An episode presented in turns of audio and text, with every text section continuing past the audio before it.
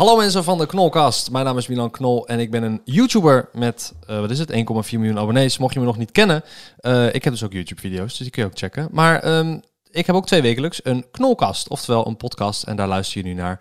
Bedankt voor het luisteren. Ik heb eh, vorige week niet geüpload en toen kreeg ik echt enorm veel DM's waarvan ik dacht, wauw, ehm, blijkbaar heb ik meer luisteraars dan ik had verwacht. Dankjewel daarvoor en ik waardeer het echt enorm dat jullie massaal ehm, die podcast luisteren en dat jullie hier echt op wachten ook gewoon. Dat jullie iedere zaterdag of iedere tweewekelijkse zaterdag om drie uur klaar zitten, of in ieder geval die avond klaar zitten om een podcast te luisteren. Ehm, ik heb vandaag een hele leuke gast. Eh, excuses in ieder geval dat, dat hij niet online is gekomen. Maar ik heb een hele leuke gast en daar hoop ik het mee goed te maken. Ehm, het is een, welbekende uh, radio-dj, tenminste zo ken ik hem, van, um, van jongs af aan. En um, ja, weet je wat? Je mag jezelf voorstellen. Je krijgt 30 seconden. Daniel, vertel. Dat is lekker makkelijk, hè, als interviewer. Ja, dat doe ik gewoon, ja, altijd. Ja. Ik geef altijd 30 seconden. Hoe wil jij... Want kijk, iedere gast die uh, kan zichzelf introduceren of zien op een bepaalde manier. En ik zie jou als radio-dj, maar misschien zie jij jezelf wel als... Streamer bijvoorbeeld? Ja, bijvoorbeeld. Ja, dus ah. vertel, uh, wie ben je, wat doe je en hoe zie je jezelf? Nou, uh, Daniel, 31 jaar inmiddels. Uh, maar wel inderdaad, zoals jij zegt, hoofdzakelijk radio-dj. Ik zit nu meer dan 10 jaar bij de Nederlandse radio. Ooit begonnen bij BNN. Toen een tijdje bij Slam gezeten. Toen BNN Radio ook? Ja. Oh, oké. Okay. Ja, ze hadden een, een ding dat heette de Coolcast. En dat was eigenlijk... Um, dat leek heel erg op uh, ja, wat nu BNN University is. Dus dan kon je erbij komen en dan kon je voor het eerst proberen om een, een radioprogramma oh, ja. te maken. Of een, een, reportage of wat dan ook. Uh -huh. uh, nou, daar heb ik toen bij gezeten, repo's gemaakt, dat een beetje geleerd. Toen naar Slam gegaan, daar een tijd gezeten. 3FM nog een tijd gedaan, terug naar Slam. en nu zit ik alweer een tijdje bij 538. Nice. Daniel Lippens, hoe oud ben je? 31. 31. En uh, wat ik me dus afvraag, want jij zegt meteen, ja, ik ben van Slam naar 3FM en weer terug. En hoe werkt dat? Want je, is het niet zo dat je je dedicate aan een radiostation? Ja, het is... Of is dat gewoon contract-wise? Nou, ik denk dat je het meer als voetbal moet zien. Het zijn clubs. Oh, echt? Ja. Oh. Ja, ja nee, zo moet je het meer zien. En, en uiteindelijk, uh, je kan een bepaalde voorliefde hebben voor een, voor een club. Maar op een gegeven moment, als er een andere club uh, aanbelt en die zegt, uh, joh, hey, wij hebben ook een mooi elftal en ja. we willen jou in de spits hebben. Ja, dan ga je altijd even praten natuurlijk. Ah, dus omdat je dan bijvoorbeeld, even een ruw voorbeeld. Je bent bij Slam en je hebt uh, een programma van 12 tot 3. Noem even iets stoms. Ja. Dat is middags leuke tijd, maar niet de beste tijd volgens mij. Als je tussen 4 en 8 zit, dat is de beste tijd, toch? Ja, of eigenlijk meestal tussen 4 en 7 dan. Uh, want dat is echt de, de, de, de spitstijd, dat mensen in de file staan. Ja. Maar inderdaad, ja, dat zou een betere tijd zijn. Dus dan gaat 3FM bijvoorbeeld jou bellen en die zegt... hey man, we hebben tijdslot over, wil nou, je komen? Onze middag-dj gaat weg, die heeft een overstap gemaakt naar, weet ik veel, Q-Music. En uh, kan jij eens komen Ah. praten, bij wijze van. Gotcha. Maar dan gaat je salaris ook iedere keer omhoog. Nou ja, als je het goed doet wel natuurlijk. Maar, ja.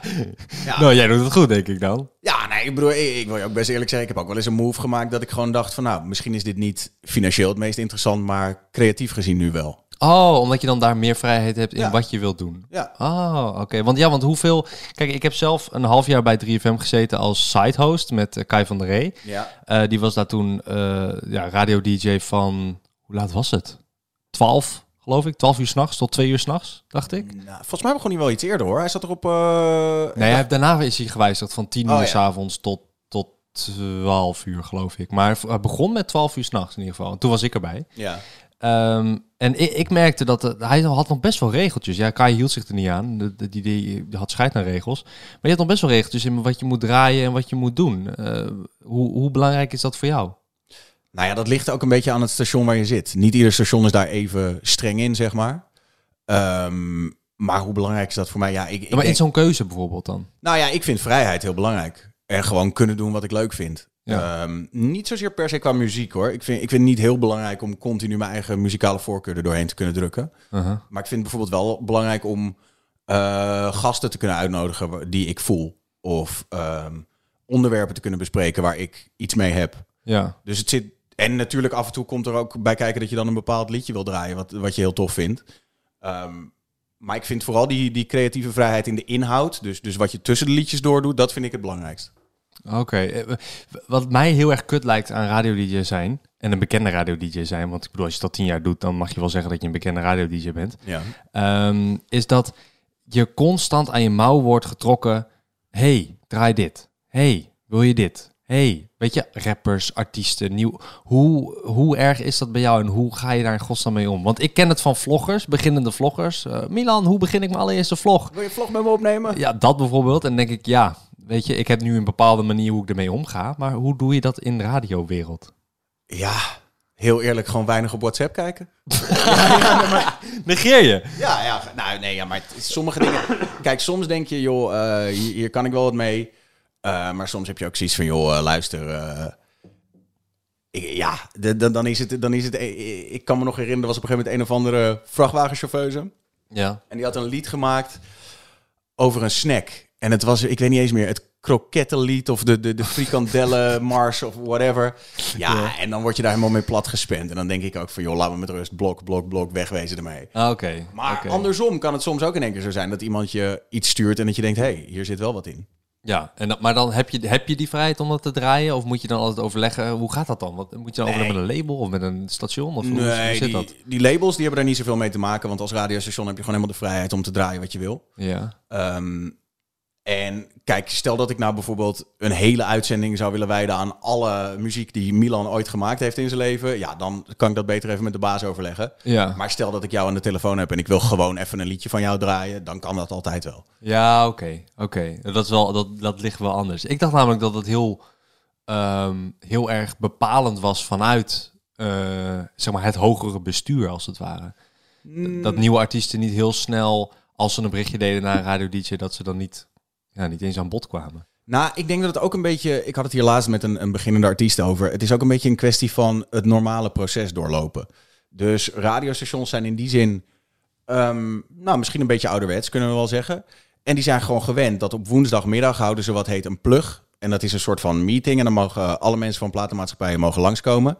En die nemen dan meestal een stapel cd's mee met nieuwe liedjes. En die gaan dan dingen laten horen aan de muziekredactie. En die zeggen dan, nou, we hebben hier de nieuwe van eh eh, Five Seconds of Summer. Dit is de nieuwe van Lady Gaga. Misschien kunnen jullie daar nog wat mee. Ja. Eh, en, en dat is een beetje hoe normaal gesproken die muziek bij de radio binnenkomt. En als jij een artiest bent die heel enthousiast is en die net begint... en die niet precies weet hoe dat normaal gaat... en jij denkt in één keer, ik ga iedereen plat spammen of ze mijn liedje willen draaien... Nou, dan kan zo'n muziekredactie best wel een beetje een soort arrogante houding hebben. Zo van, joh, eh, luister, andere artiesten komen ook gewoon op woensdagmiddag netjes een, een Ja. plaatje aanbieden. Ja. Dat is hoe je het moet doen. ja, nee, maar ik bedoel, met social media kun je nu heel makkelijk een radio-dj persoonlijk benaderen. Zeker, je kan Maar ook dan is het maar gewoon een kwestie van negeren of blokken. nou, ja, dat sowieso. Maar dan, dan heb je er maar één. Ja, oké, ja. ja. En, en stel dat je, ehm, daar heb je gewoon niet zoveel aan. Ik kan één keer jouw liedje draaien op de radio. En dat is leuk. En dan kan je denken, oh, mijn liedje is op de radio gedraaid. Maar het maakt in het grotere geheel niet zoveel verschil. Pas op het moment dat jouw liedje ehm, om de vier uur een keer gedraaid wordt, dan gaat het er echt toe doen. ja. En om dat voor elkaar te krijgen, heb je echt die muziekredactie nodig. En Ja, dat is die herhaling, Ja. zeg maar, met alles eigenlijk. Ik bedoel, daarom hangen mensen billboards op. ja, precies. En, en daarom zenden, eh zenden, eh, zenden grote merken zoveel reclames uit. Omdat je dan hopelijk na de tiende keer een keer onthoudt van... oh ja, volgende keer koop ik Coca-Cola in plaats van Pepsi. Ja, nee, snap ik. Ehm, en en hoe, is het, hoe, zit jouw, eh, hoe ziet jouw privé eruit? Want wat, wat zijn jouw tijden qua, qua radio? Ik doe nu zaterdagmiddag 3 tot 6. En ik doe maandag, dinsdag, woensdagochtend van 4 tot 6 s'nachts. Vier tot zes s'nachts. Ja. Hoe, hoe, want hoe, hoe, zit je, hoe is je ritme dan? Ja, nu eh, ga ik gewoon meestal daarna slapen. Dus slaap ik ergens eh, om eh 7, 8 uur 's ochtends. tot, eh, tot ergens in de middag. En dan ga ik s s'avonds eerst streamen en dan nog even radio maken. Ja, want je livestreamt ook. Ja. Wil, je daar, wil je daar wat over kwijt vanuit jezelf? Van, heb, je, heb je daar een structuur in, net zoals op de radio? Minder dan op radio, omdat het gewoon echt hobby is. Uh-huh. Ehm, Dat is ook een beetje hoe ik nog meer in contact met jou ben gekomen. Ehm, eh, dat is even, van- vanuit mij in ieder geval. Ik ben sinds kort begonnen op Twitch om te livestreamen. Iedere zaterdag om vier uur begin ik. En ehm, eh, jij hebt, eh, jij hebt, ja, hoe heet dat bedrijf ook weer wat je hebt? Stream Doctors. Ja, Stream Doctors inderdaad. En daarin kun je zeg maar een heel pakket of een hele backpack kopen met eh, camera en alles erop en eraan om in real life te streamen als het ware. Dus Ja. voor de voor luisteraars, je hebt dan ehm, zeg maar het vloggen, maar dan live. Dus je Ja. bent live alles aan het vloggen wat je doet. En ja, als je dan een fout maakt, weet je, dat is compleet menselijk. In een vlog knip je het eruit, maar in een livestream kan dat niet. Ehm, en ik ben eigenlijk ja, daardoor steeds meer in contact met jou, want je hebt ook een eigen Discord. Eh, Discord is dan een Skype voor gamers.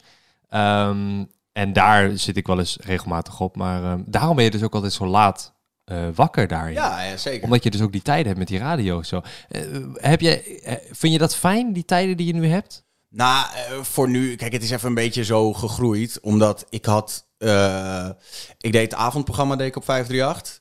En daar was ik een beetje op uitgekeken. Op de een of andere manier was de rek daaruit. Op de manier hoe ik het maakte. En toen heb ik aangegeven, nou ja, laten we maar even een soort reset doen. Geef mij voorlopig maar even een ander programma. Uh-huh. Ik had natuurlijk liever, had ik bijvoorbeeld zaterdag, zondagmiddag gehad. Maar dat was op dit moment niet beschikbaar. Dus nou ja, Ah. doe ik nu even dit. Ja, maar dan kun, je, dan kun je naar een andere voetbalclub, hè? Ja, ja, daar valt ja, eh, Dan is er een transfer. ja, er is altijd, eh, Zaterdagmiddag, zondagmiddag. er is altijd een, eh, mogelijkheid. Ja. Oh, oké. Ja, je zit nu al te lachen op een manier van ik ga al eh, transfer. Nee, dat is.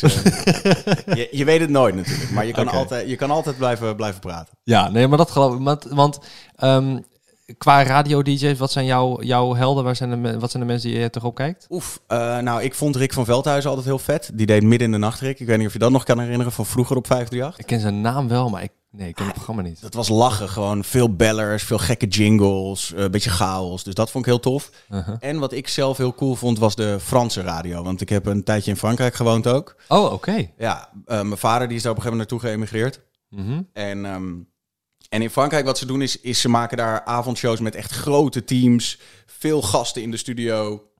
Eh, er, gebe- er gebeurt van alles en nog wat.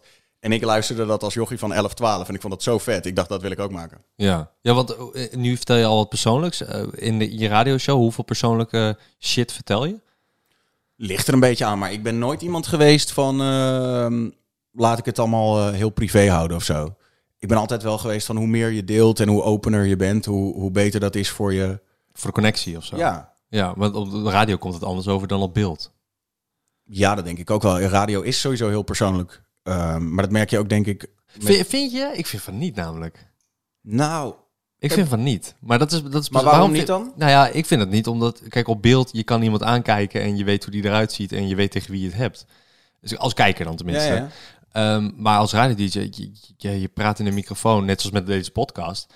Ik heb geen idee hoe mijn luisteraars eruit zien. En de luisteraars weten het van mij dan misschien omdat ze me volgen op Instagram of YouTube of waar dan ook. Maar anders zouden ze het ook niet weten. Maar zou gewoon denk- een stem zijn. Ja, dat, ik snap wat je zegt, maar ik denk dat iedereen die nu naar deze podcast zit te luisteren, eigenlijk het gevoel heeft dat ze op die stoel zitten hier naast mij. Ja, oké. Nee, dat, dat, dat snap ik, ja. En dat, dat maakt het zo persoonlijk. Dus op het moment dat zij eh, straks klaar zijn met het luisteren naar dit ding, dan denken ze, oh, ik heb drie kwartier met Milan en Daniel doorgebracht. Oh, en, En- zo en- zie je dat bij radio ook. Ja, Ja, ja, ja. Dus, je, dus eigenlijk met persoonlijke dingen, je vertelt veel. ehm ze weten, zeg maar, heb je, heb je echt trouwe luisteraars die iedere ochtend luisteren? nou ja, ik, ik het is dit- echt och- ochtend, Ja, ja, zeker. Nou, ik doe dit slot nog niet zo heel lang. Dus dat radio is sowieso slow business. Dus het, je, je moet iets echt een half jaar doen voordat mensen een beetje door beginnen te hebben wat er gebeurt. Oké, ja.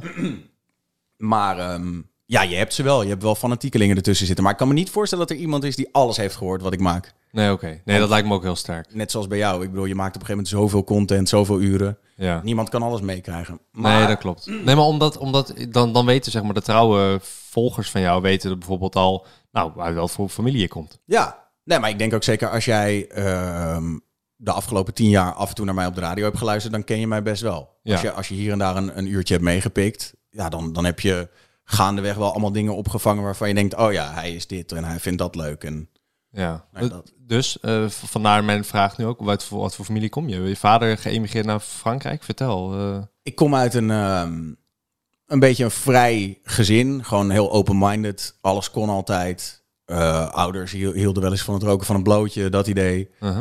Ehm, en op een gegeven moment zijn mijn ouders uit elkaar gegaan toen ik een jaar of zes, zeven was of zo. En toen dacht mijn vader, ja, fuck Nederland, ik ga naar Frankrijk. Rand, gewoon zomaar.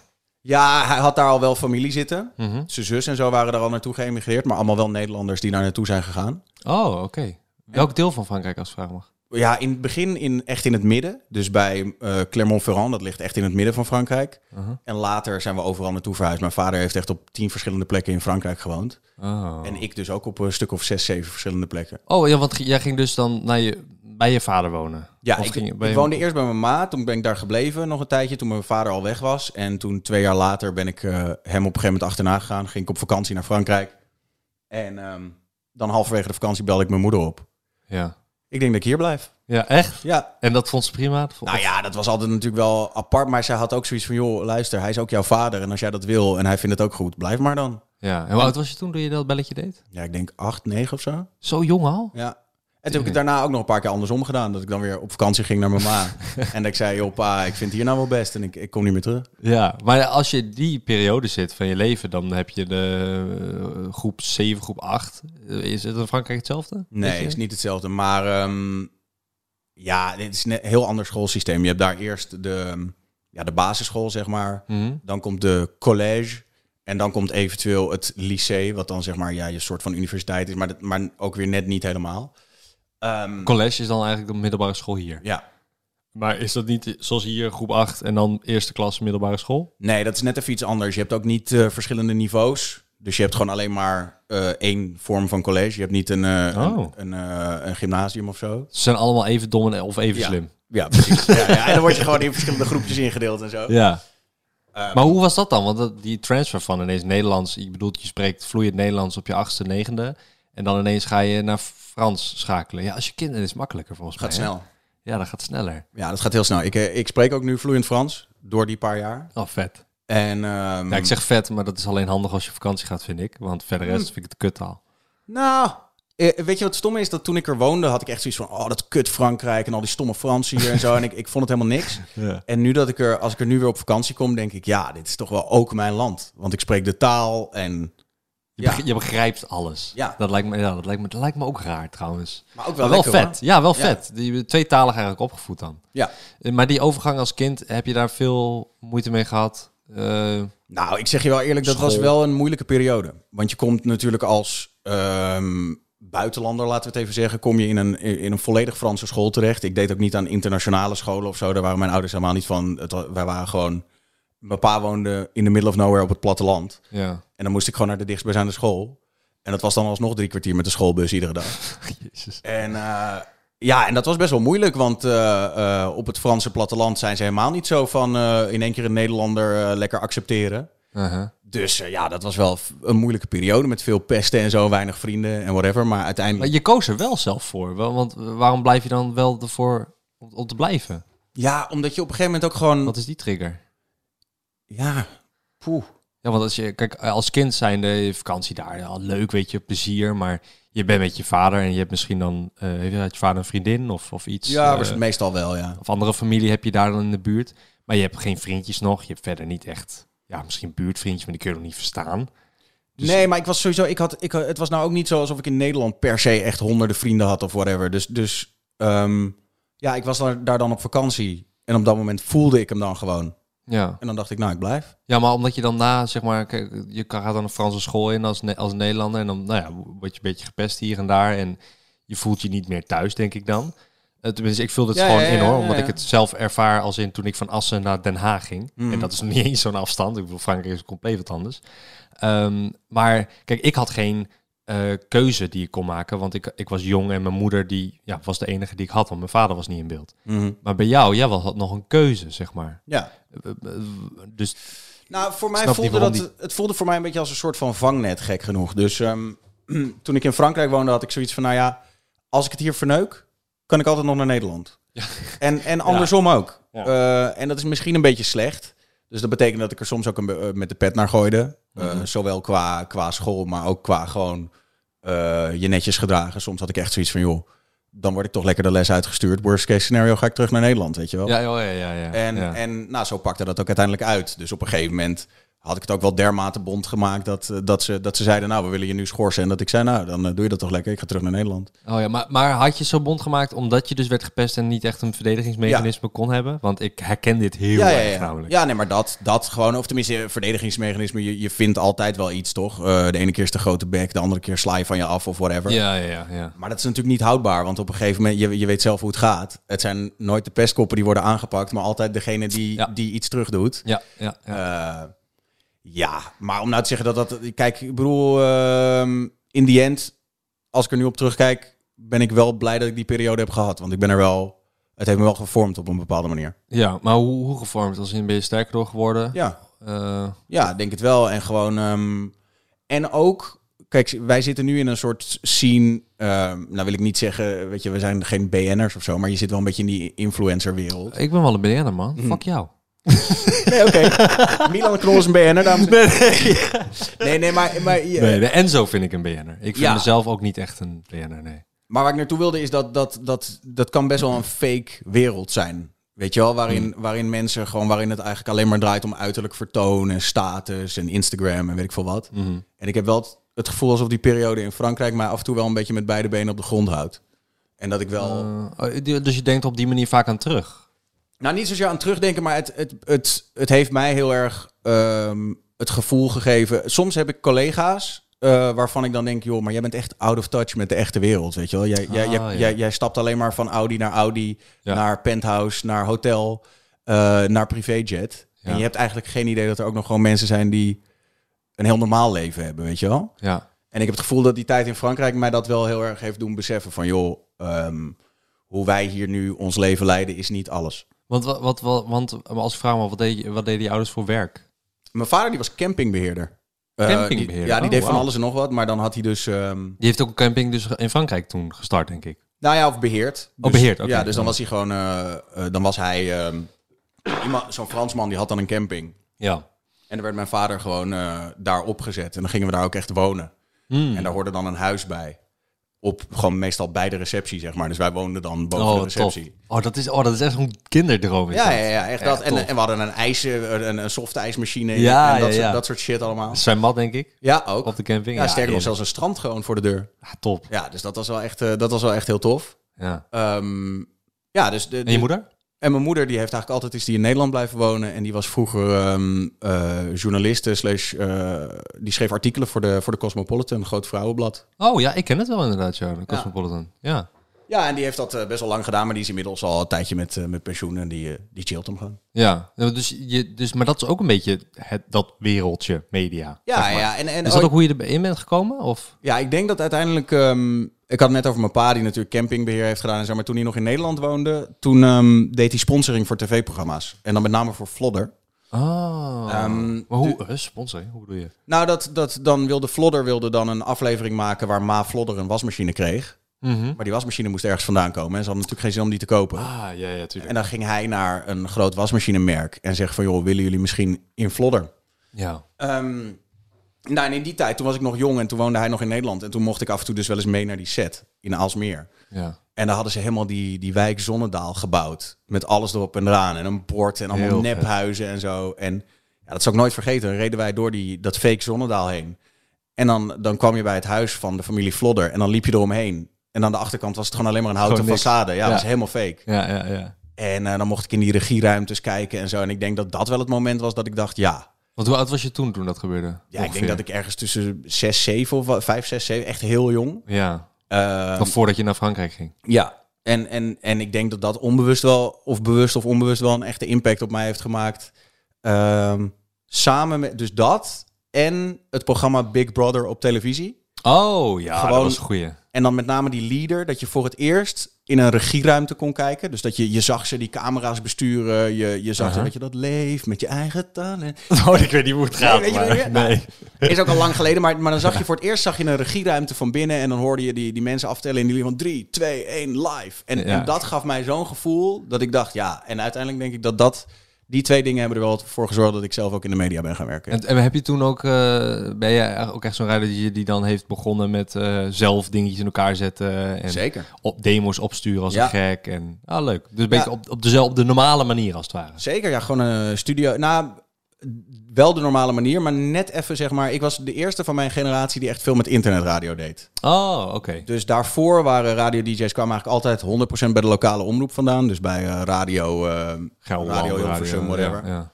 Ehm, en ik was een van de eerste die ook echt al een eigen internetstation had. En die een beetje ook uit die hoek kwam. Oh, en dat vonden ze interessant, want... Ja, dat vonden ze leuk. Ja, want dat liep ook goed. Dat heette toen Track FM. En dat was een, eh, een online station met hoofdzakelijk gewoon dancemuziek. En ja, dat liep best lekker. Dat had een paar honderd luisteraars, wat in die tijd heel erg goed was. Ja. En toen, eh, toen kwam ik voor het eerst bij de echte radio binnen. En toen vertelde ik daarover. Toen zeiden ze, nou, je hebt ondernemersgeest, lekker bezig, kom erbij. Ah, tof. Tof. En eigenlijk dan nooit meer weggegaan dan. Nee. Maar je vindt het ook leuk om andere dingen te doen. Want ik heb je ook... eh, je bent ook al een keer hier bij mij thuis geweest voor 538 Game Caves. Ja, Een programma waarin jij... eh nou, je kan het zelf uitleggen. Ja, nou ja, precies. Gewoon de, de gamecave van, eh, van, van mensen bezoekt. Dus eh, eh, YouTubers, maar ook BN'ers, artiesten. Ja. En dan kom ik even kijken van, joh, hey, eh, waar speel jij je games en hoe ziet je huis eruit? ja, vooral hoe ziet je huis eruit inderdaad. Ja. Ehm, maar dat is weer presenteren, dat is weer heel wat anders. Eh, Heb je dan ook een voorkeur nog van nu? Of is het gewoon nu omdat je denkt na tien jaar van... Ja, ik wil ook even wel meer ontdekken. Kijken wat ik nog meer kan. Of hoe is dat ook? Hoe is dat gevormd? Nou, ik denk dat ik sowieso wel een maker ben. Gewoon in de zin van, ehm, ik vind radio leuk en radio is wel echt mijn eerste liefde. Maar ik ben dat gaan doen om dingen te maken. Ja. Dus eh, of dat nou per se radio is of een filmpje of een stream of whatever, dat geeft me allemaal wel hetzelfde gevoel. Uh-huh. Eh, het gevoel van, van iets maken. Dus ik kan net zo trots zijn op een gamecave als op een goed radioprogramma als Ja, nee, op een dat, stream. dat snap ik. Maar ik bedoel, het presenteren van een, een video of een programma is wel even iets anders dan radio. Ik bedoel, ik heb zelf radio ervaren en ik vond dat heel anders dan een vlog opnemen of ergens een lezing geven. Ja, maar ik denk dat wat je bij radio leert is gewoon live eh, praten. Eh, dus, dus dat het in één keer goed moet. Ja. Weet je wel, dat je niet kan terugspoelen, geen tweede takes, whatever. Het moet gewoon in één keer goed. En dat is wel een skill die, eh, die heel goed van pas komt bij presenteren. Ja, dat is waar. Ehm, en, en je ziet bijvoorbeeld ook zo'n Martijn Krabbe van The Voice. Uh-huh. Die komt ook bij de radio vandaan. En ik hoor dat echt als ik naar The Voice kijk. Dus hij, eh, je hebt The Voice en dan kondigt hij die kandidaat aan en zegt hij... Ze is 21 jaar en heeft de afgelopen vijf jaar niets anders gedaan dan zingen. En vanavond staat ze hier op de stip. Gaat ze voor ons? En dan hoor ik gewoon, ja, jij bent een man van de radio. Jij gooit dat er op die manier in één keer uit. Ja, ja. Ehm, ja, nou, Zonder dat. autocue en Ja. ja ah, lachen. Maar wil je dan meer daarin doen? Of is dat gewoon puur van, nou, ik zit bij 538, ze bieden het aan, dus doe maar. Of heb je het zelf nee, nee. bedacht? Nee, ik heb het wel zelf bedacht. Je hebt het zelf Eh, bedacht Tenminste, of, nou ja, met een, met een teampje. Dus, Ja, dus de, de, de mensen die, daar ook, eh, die het ook gemaakt hebben en, en de cameramensen en zo. En iedereen zat gewoon in een, in een brainstorm. Maar het is wel echt mijn format, ja. Ja, Ik wilde dat graag maken en, en, ehm, en dat kon. ja oh, tof. Ja. Tof. En dan sponsor erbij zoeken en dan leuk... eh, Precies. ja. Nou ja, eerste Leuk seizoen, eerste seizoen niet eens met een sponsor, maar gewoon echt uit passie. En dan, ja, dan laat je iets zien en dan staat het. En dan kan je net het tweede seizoen in één keer wel sponsoren. Ja, ja, dan kun je het opbouwen inderdaad. Ja, leuk. En, en heb je alweer iets in, het- in het eh, verschiet? Dat je denkt van... Ja, ja, ja, ik heb wel wat. eh, ik, nou ja, sowieso. ehm, we hadden het net al even over dat streamen. Dat ben ik er op een gegeven moment gewoon bij gaan doen, omdat ik dacht, dit is leuk. Ja. En daar komen nu ook weer allemaal dingen uitrollen. ehm qua, qua programmaatjes, video's, dingetjes. Ja, want he- daar heb je geen... Want eh, even terugkomend op dat... Want daar volgens mij heb ik daar niet echt een antwoord op. Je hebt daar niet echt een structuur op, hè? Je hebt niet echt een schema met streamen. Dat is gewoon Nee, ja, maar- hobby. Ja, alleen ik merk dus wel gewoon, het is wel verslavend. Eh, dus juist als je geen schema hebt. Kijk, jij hebt wel een schema. Jij doet het nu iedere zaterdag. Ja, punt. Ja, maar dat is, ook, dat is ook lekker voor jou, denk ik. Want dan, dan weet je gewoon, nou, dit is wanneer ik het doe. Ja. En ik ben... Ik heb iedere dag eigenlijk zoiets van, nou, Zal ik? ja. Zal ik? Ja, ja, ja. ja. dat snap ik. Ja, dat snap ik. Maar dat is dat. Maar dat als het een hobby is. Kijk, voor mij Twitch, natuurlijk, het is een hobby, maar het is ook werk. Tuurlijk. Ik, ben ik, ik, gevraagd voor Twitch om te streamen, dus dan moet je ook maar gaan streamen. Ehm, eh, en maakt mij geen, donder uit op welk platform dat is, als het maar gewoon een leuke community heeft. En dat heeft het.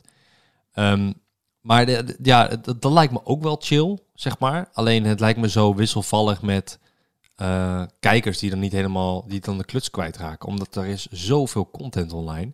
En ik heb wel gemerkt dat het heel belangrijk is om structuur daarin te hebben om te bouwen. Dat ben ik met je eens, maar ik denk dat wat nog belangrijker is dan structuur, is consistentie. Ja, ja, oh nee, dat absoluut. Ja, als je elke dag online bent, sure. Ja, dus, dus, dus mijn theorie is meer, ik denk dat wat jij doet heel goed werkt, eh, maar wat ik doe ook. Ja. Eh, alleen, alleen je moet wel kiezen. Dus jij bent van, ik ben er iedere week vast. Ja. En ik ben van, ik ben er zo vaak mogelijk. Maar als je en geen vastigheid hebt en je bent er ook nog eens niet vaak, ja, dat gaat hem niet worden. Nee. Dus het is, of je moet het heel vaak doen, Ja. of je moet het heel vast doen.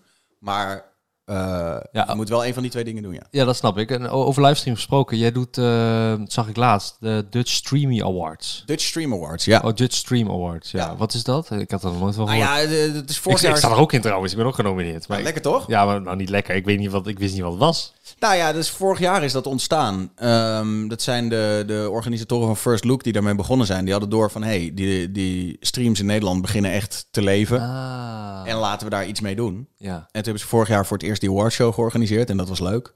Eh, en- eh, ook niet. Echt, is dat gebeurd? ja, ja, ja. Eh, toen heeft Serpent Gameplay beste mannelijke streamer gewonnen. Ik was daarbij volgens mij. Dat was in zo'n eh, eventhal, eh, eventhal. Utrecht. In Utrecht Look, inderdaad. Ja, eh, was dat First Look? Ja. Daar zo. Ja, daar was ik bij. Toen ging eh Link Tiger, een vriend van mij, nog even gek doen op het podium of zo. Omdat lekker spelen eh, dat YouTube-kanaal en streamkanaal dus had gewonnen. Ja. ja, dat was leuk. Oh, dan weet Dat ik het was wel. het, ja. dat was dus die stream. Oh, gotcha. Maar goed, eh, nu valt het kwartje. maar o- Sorry. om hem compleet te maken, dus Ja, die- sorry. dat, dat was vorig jaar en dat was leuk. En nu hadden ze zoiets van, nou, dat gaan we nog een keer doen. En toen werd ik eh, eh, benaderd van, hey, wil jij dan misschien, omdat jij eh, in jouw talkshow veel, want ik doe een talkshow op Twitch. eh, Ja. En dat is met verschillende streamers en dan praten we gewoon over Twitch en zo. Ja, daar wil ik het zo even over hebben. Dat is leuk. Ja. Ja, en, en ik werd dus benaderd van, hey, omdat jij dat doet, ken je ook veel nieuwe opkomende streamers. Wil jij misschien een van die awards adopteren eigenlijk als een soort van, eh, ja, Ja, het ja, gezicht. Ja, precies. En dus heb ik de beste nieuwkomer award geadopteerd dit jaar. En dat betekent dat ik dus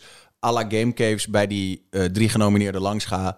En dan een beetje hun stream en hun setup ga checken. Oh, en dan uiteindelijk eh, mogen de beste winnen. Leuk man.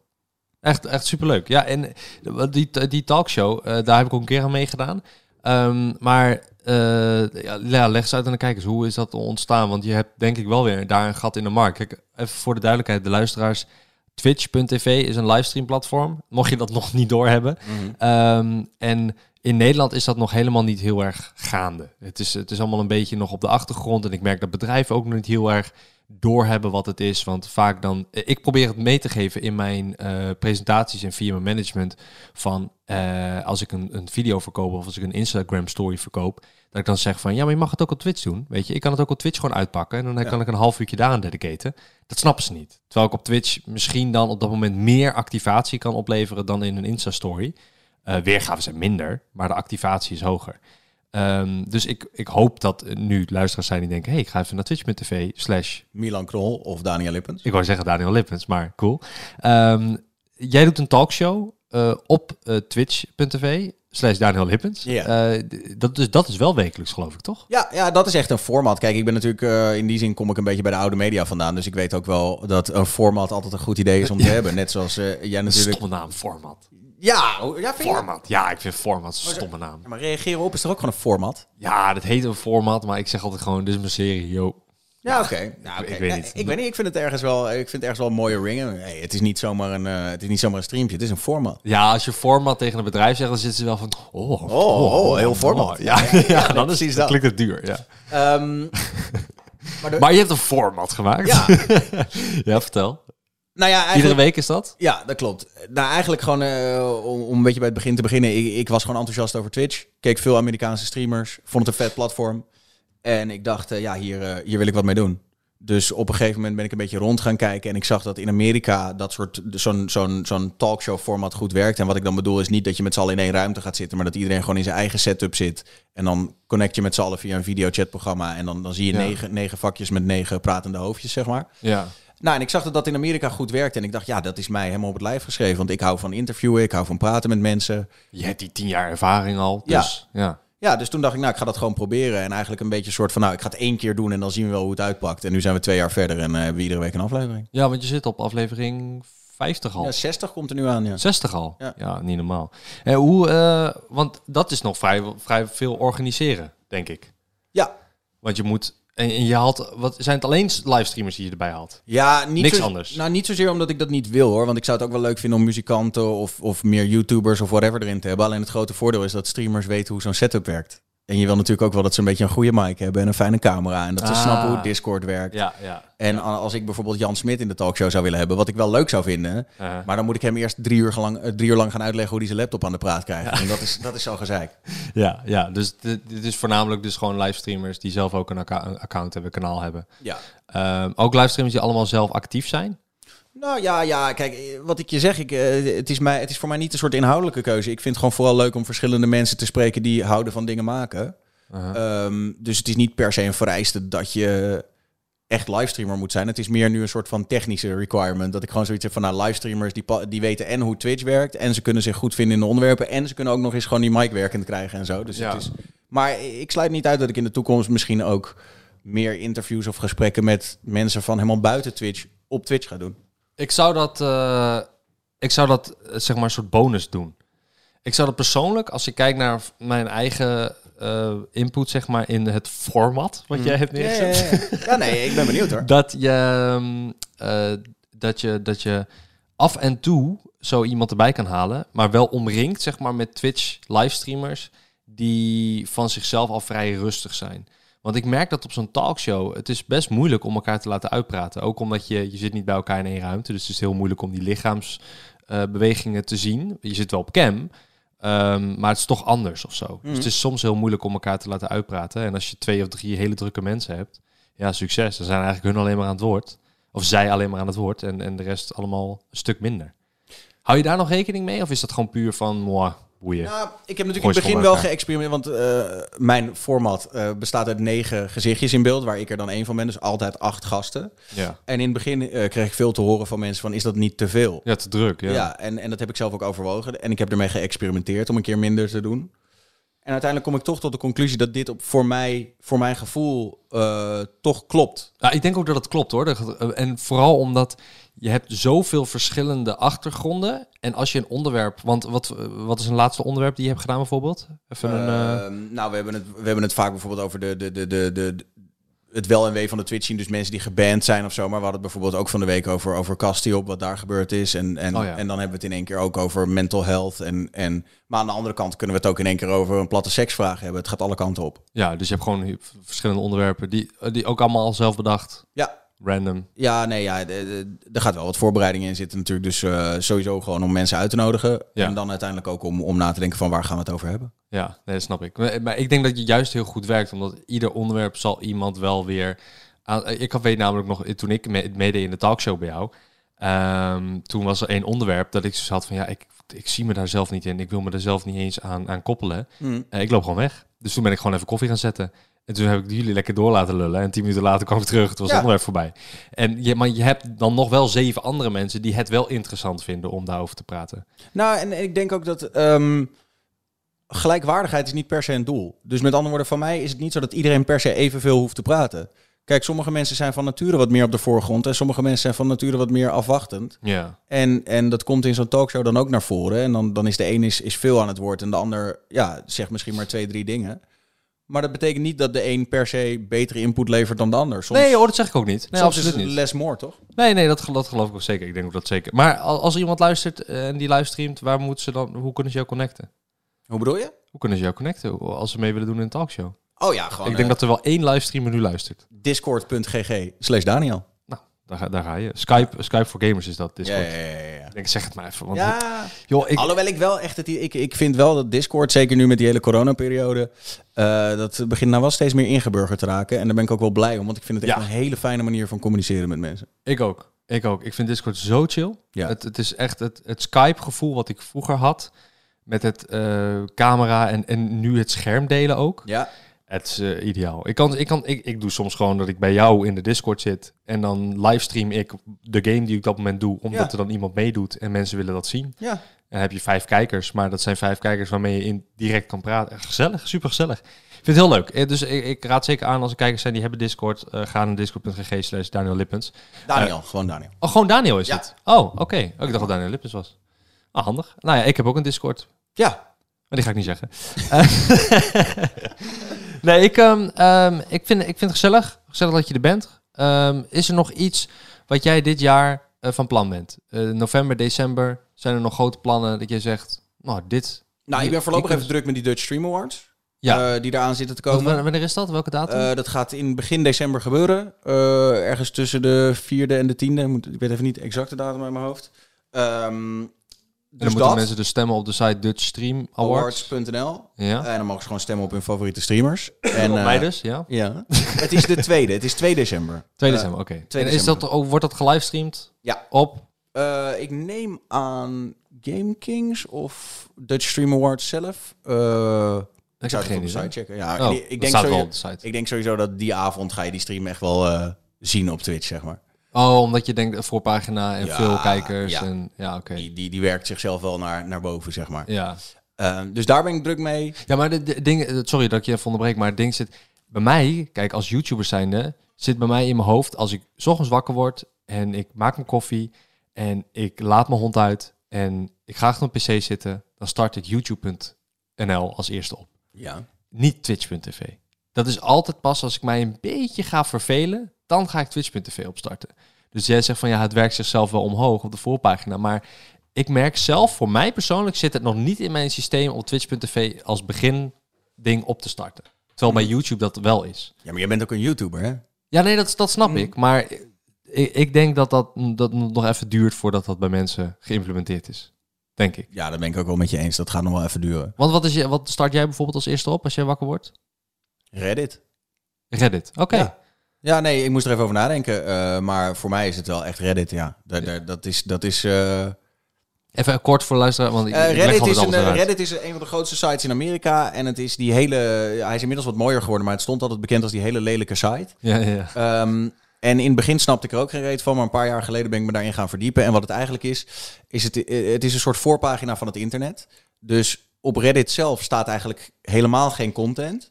Maar als jij ergens iets op het internet vindt wat jij leuk vindt, of het nou een filmpje is, een video of een artikel, dan kun je dat op Reddit plaatsen. En dan kunnen mensen erop reageren en erop stemmen. En zo komen dus uiteindelijk de interessantste dingen van de dag in verschillende categorieën komen bovendrijven. Ja. Dus stel, jij bent bijvoorbeeld helemaal fan van mieren, dat weet ik. Nou, er is waarschijnlijk een subreddit slash r slash ants. ja. En dan eh, zitten mensen daar al het laatste mierennieuws te posten. En als jij fan bent van mieren en jij kijkt iedere dag op die subreddit, nou dan weet je zeker dat als er, weet ik veel, een nieuwe soort wordt ontdekt of zo, dat jij de eerste bent die dat weet. Ja, ja, klopt. Nou, en dat, dat vind ik heel chill, wakker worden. Dus ik volg honderden communities. Ja. En dan word ik wakker en dan kijk ik even wat... ja, want als je 100 communities bijvoorbeeld gaat volgen, dan gaat daarin ook degene met de hoogste punten komen bovenaan. Dus je hebt je eigen, inderdaad, je eigen soort startpagina. Het is eigenlijk een soort startpagina.nl van vroeger. Eigenlijk wel, Want maar dat dan wordt net even... gebruikt. Nee, alleen dit, eh, wat, wat Reddit ook wel maakt, zijn de comments natuurlijk. Ja, dus, oké. Dus ja, mensen commenten op alles en dan zijn er ook weer memes en zo. eh. ja, dat, dat is wel echt mijn, eh, mijn startpagina. Ja, En, en daarna, na de, na de Reddit? Ja, dan, dan de, de- het is een beetje, de, als ik, ik, zit, ik probeer het nu gewoon te visualiseren. Ik zit achter mijn computer, rechts heb ik Discord, ga ik een beetje de, de servers doorlezen, waar, of daar nog wat gebeurd is. Links heb ik Reddit en dan op een gegeven moment gooi ik Twitch erbij. En dat is een beetje hoe mijn... eh, Dat is je vrije tijdsindeling. En eh, je, je vriendin, komt die daar nog ergens in de vrije tijd voor? Ja, ja, ja. Nee, wij, wij, eh, ondanks het rare ritme maak ik gewoon iedere avond eh, tijd om eh, met mijn vriendin eh, samen te eten en de dag door te spreken. Ja, fijn. Ja. Fijn. Oké, ja, we hebben niet zo heel veel gehad over je vriendin, maar ik dacht, ja. Ja, nee, dat is toch ook niet zo heel... eh, wil je het over die van jou hebben? Hoe gaat het in de liefde, Milan? Oké, bedankt. Nee, sorry, je had verder nog één ding dat je wilde zeggen van wat er aankomt misschien. Na de Dus Stream Award zei je van, ehm, waar ik nu mee bezig ben, Ja, nee, ik, ben, ik, ben, ja ik, ben gewoon eh, aan het kijken of ik eh, op Twitch meer leuke dingen kan doen. Ik heb recentelijk bijvoorbeeld die hele presidentsverkiezingen in Amerika gestreamd. Gewoon als een soort van achtergrond en samen die uitslagen volgen en zo. Dat vond ik heel erg leuk. ja. Dus ik wil gewoon gaan kijken wat ik nog meer kan gaan doen op Twitch. Ik ben ook op radiogebied bezig om, om te kijken of ik eh, eventueel een, een, een nieuw format kan ontwikkelen daar. Uh-huh. Ehm, Maar dat is allemaal nog, ja, het is niet voor november, december of zo al iets nee, concreets. Nee, nee, nee. nee. Het jaar is eigenlijk al een beetje zo voorbij. Ja, En- maar eh, heb jij dat gevoel niet ook al eigenlijk al? Dat we al een beetje... eh, Ja, ik heb niet zo heel veel. Ik bedoel, ik heb 10 november dat mijn eigen game uitkomt. Eh, op de Xbox en de PlayStation en alles. Dat heet Slide Stars. ja, Daar ben ik heel erg hyped voor. ik heb je, je 3D-model gezien. Dat is wel dik, man. Ja, ja oh, ik, heb, ik heb de code al. Dus ik kan al eh, wat meer laten zien. Maar d- dat, dankjewel trouwens. En eh, voor de rest, nee, ik ben nu mijn baard aan het laten groeien. Omdat ik graag een foto op Instagram wil dat ik helemaal geblondeerd als de kerstman. En mezelf op Instagram sta. Ja. Dat is mijn doel nou, ik, jaar. ik ben benieuwd. Ik, eh, en, maar dan wel ook met echt met zo'n zo'n heel pakje en alles erop en Ja, een pakje aan. En Malino als rendier. Oh ja, dat is een goeie. Ja, daar had ik niet eens aan gedacht. Ja, een goeie. Ja, gaan we doen. Hey, bedankt voor het idee. Die ga ik jatten. Ehm, maar, maar ik zit nog even te denken, ja nee, eh, ik bedoel niet, niet hele specifieke dingen die ik nu wil teasen, maar ik zou gewoon vooral zeggen van hou een beetje in de gaten, want ik heb wel, ik heb wel veel leuke ideeën. Ik ben met veel dingen bezig. En ehm, je noemde eerder al even streamdokters. Ik vind het ook heel leuk om andere mensen te helpen met hun content, hun live content met name, want daar heb ik, Ja. heb ik veel kaas van gegeten. Ehm, dus, dus daar ga ik veel mee doen eh, de komende tijd. Leuk man. Ja, nou, ik wens je heel veel succes en sterkte met alles. Maar we gaan elkaar sowieso nog vaker spreken. Sowieso. Ehm, nou ja, je kan je volgen op eh, Daniel Lippens met alles, denk ik. Hè? Ja, simpel. Twitter eh, zit je. Facebook heb je Twitter, dat ook? Instagram, Facebook heb ik ook nog. Maar doe je dat? Nee. Oké, dus niet volgen op Facebook. Hoe, hoe zit jij met LinkedIn? Want dat vind ik echt een stom social media. Nou, ik heb er nog nooit op gezeten. Nee, oké. nee, ik- Dus ik heb wel een paar nep-accounts van mezelf tegengekomen. Dat ik dacht, oh, Oh ja? cool. Ja? Ik ben er, maar ik ben er niet. En, en zijn je nepaccounts succesvoller dan jij zelf? nee, nee. Nee, maar ik had één keer, één keer in mijn leven heb ik dat gehad, dat een zakenman zei van, eh, ik heb je toegevoegd op LinkedIn. Toen dacht ik, je dat, ik, heb, ik heb dat helemaal niet. Wat heb jij het over? Maar ja, het zal wel. Nee, ik heb dat allemaal niet, joh. Ik heb, het het enige wat ik belangrijk vind is Instagram, YouTube, eh, Twitch en eh, ja, dat was het eigenlijk. De rest Ja. gebruik ik gewoon niet. Ja, Twitter doe ik één keer in de week een post als ik live ga. Maar dat is het. En wel gewoon, jij hebt mij, want we spraken elkaar een tijdje geleden. Jij hebt mij wel weer een beetje eh, doen beseffen hoe belangrijk Insta is. Want ik zei toen, we zaten hier beneden en toen zei jij tegen mij van ja, maar Insta, joh, je moet op een gegeven moment moet je het gewoon doen, toch? Doe er nou niet zo moeilijk over. Maak gewoon iedere dag een post.